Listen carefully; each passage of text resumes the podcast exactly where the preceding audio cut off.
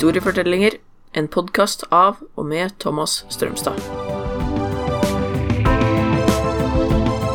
Episode 15 Reformasjonen.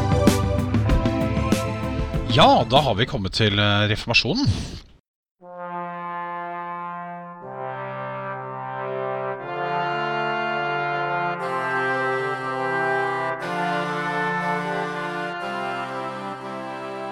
Som da skulle bli en eh, meget eh, skjellsettende, altså viktig begivenhet i europeisk historie. Bare et lite og konkret eksempel på det. Du har sikkert vært inne i en eller flere norske kirker. Når du da kommer inn i en norsk kirke, vil du som regel se lite med malerier eller utsmykninger. I din lokale kirke er det kanskje kun maleri foran alteret, og kanskje ett eller to ellers i kirken. Veggene er som regel hvitmalte, og kirkerommet er i det hele tatt heller nøkternt og kanskje litt kjedelig. Kommer du derimot inn i en katolsk kirke, vil du straks se at det er flere malerier og masse rike utsmykninger. Forskjellen på en luthersk protestantisk kirke, som vi finner flest av i Norge, og katolske kirker, som vi finner flest av i Syd-Europa, illustrerer også forskjellen på to forskjellige retninger innenfor kristendom. Begge retninger er underlagt den kristne tro, men både når det gjelder syn på teologi, altså troslære, og organisering er det vidt forskjellige. Denne oppsplittingen tok til for alvor på 1400-1500-tallet, og mannen som skulle stå for det store opprøret på begynnelsen av 1500-tallet, var den tyske presten Martin Luther.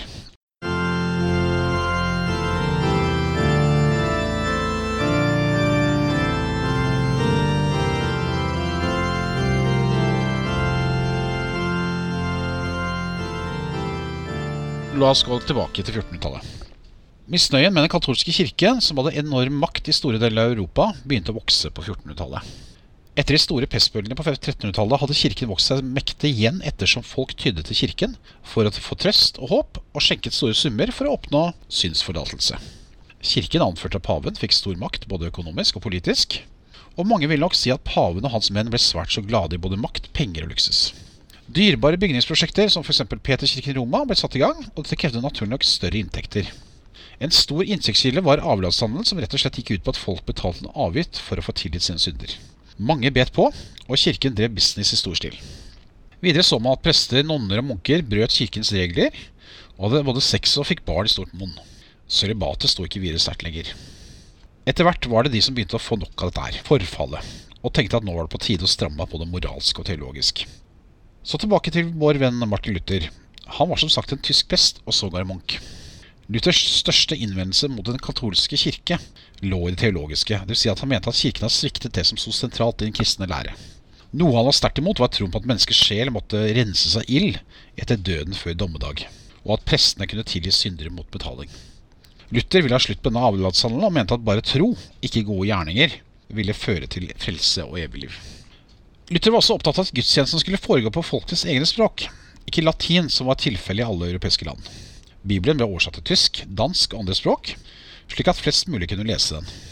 Folk trengte ikke lenger å be til helgener og dra på pilegrimsreiser. Statuer av helgener og andre hellige ble gjenstander, og, og hellige gjenstander ble fjernet til kirken. Videre ble det slutt på at alle måtte fortelle om sine synder til prestene.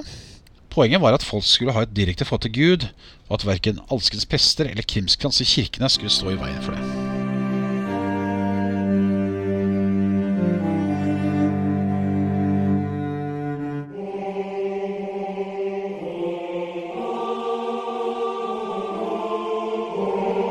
De som støttet Luther, ble kalt protestanter fordi de protesterte mot de som ville hindre reformasjon av kirken.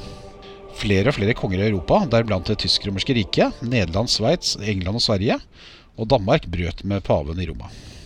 Fordelen for disse kongene var at når de brøt med paven, så fikk de også tilgang eh, på kirkens eiendommer og inntekter, og de etablerte egne statskirker som de styrte selv. Mens den katolske kirke hadde stått for eh, tidligere stått for skole og utdanning, var det nå protestantiske myndigheter som fikk ansvar for disse. På disse skolene ble elevene opplært til å adlyde myndighetene, da disse igjen hadde sin myndighet fra Gud. Protestantene hadde svært positiv holdning til utdanning, arbeid og kapital, hvilket ga dem en sterk motivasjon til å forbedre samfunnet de levde i. Det ble store politiske følger av reformasjonen. Ikke så rart, kanskje, når så mange konger brukte den til egen vinning på bekostning av den katolske kirke. I løpet av 1500-1600-tallet fikk man de såkalte religionskriger i Europa, på katolsk side hadde vi keiseren av tysk-romerske riket av slekten Habsburg, som også hersket over Spania. Den mest forferdelige krigen var 30-årskrigen, 1618-48. Her sto Frankrike sammen med protestantene for å svekke det tysk-romerske rikets makt. Rundt halvparten av den tyske befolkningen døde av krigshandlinger, sult og sykdom.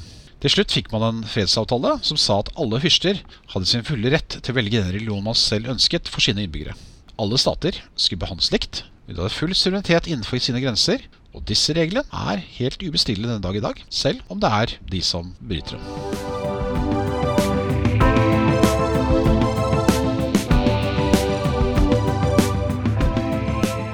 Du har hørt historiefortellinger fortalt av Thomas Strømstad. Stein Surland har redigert podkasten, og voiceover er jeg, Rikard Surland.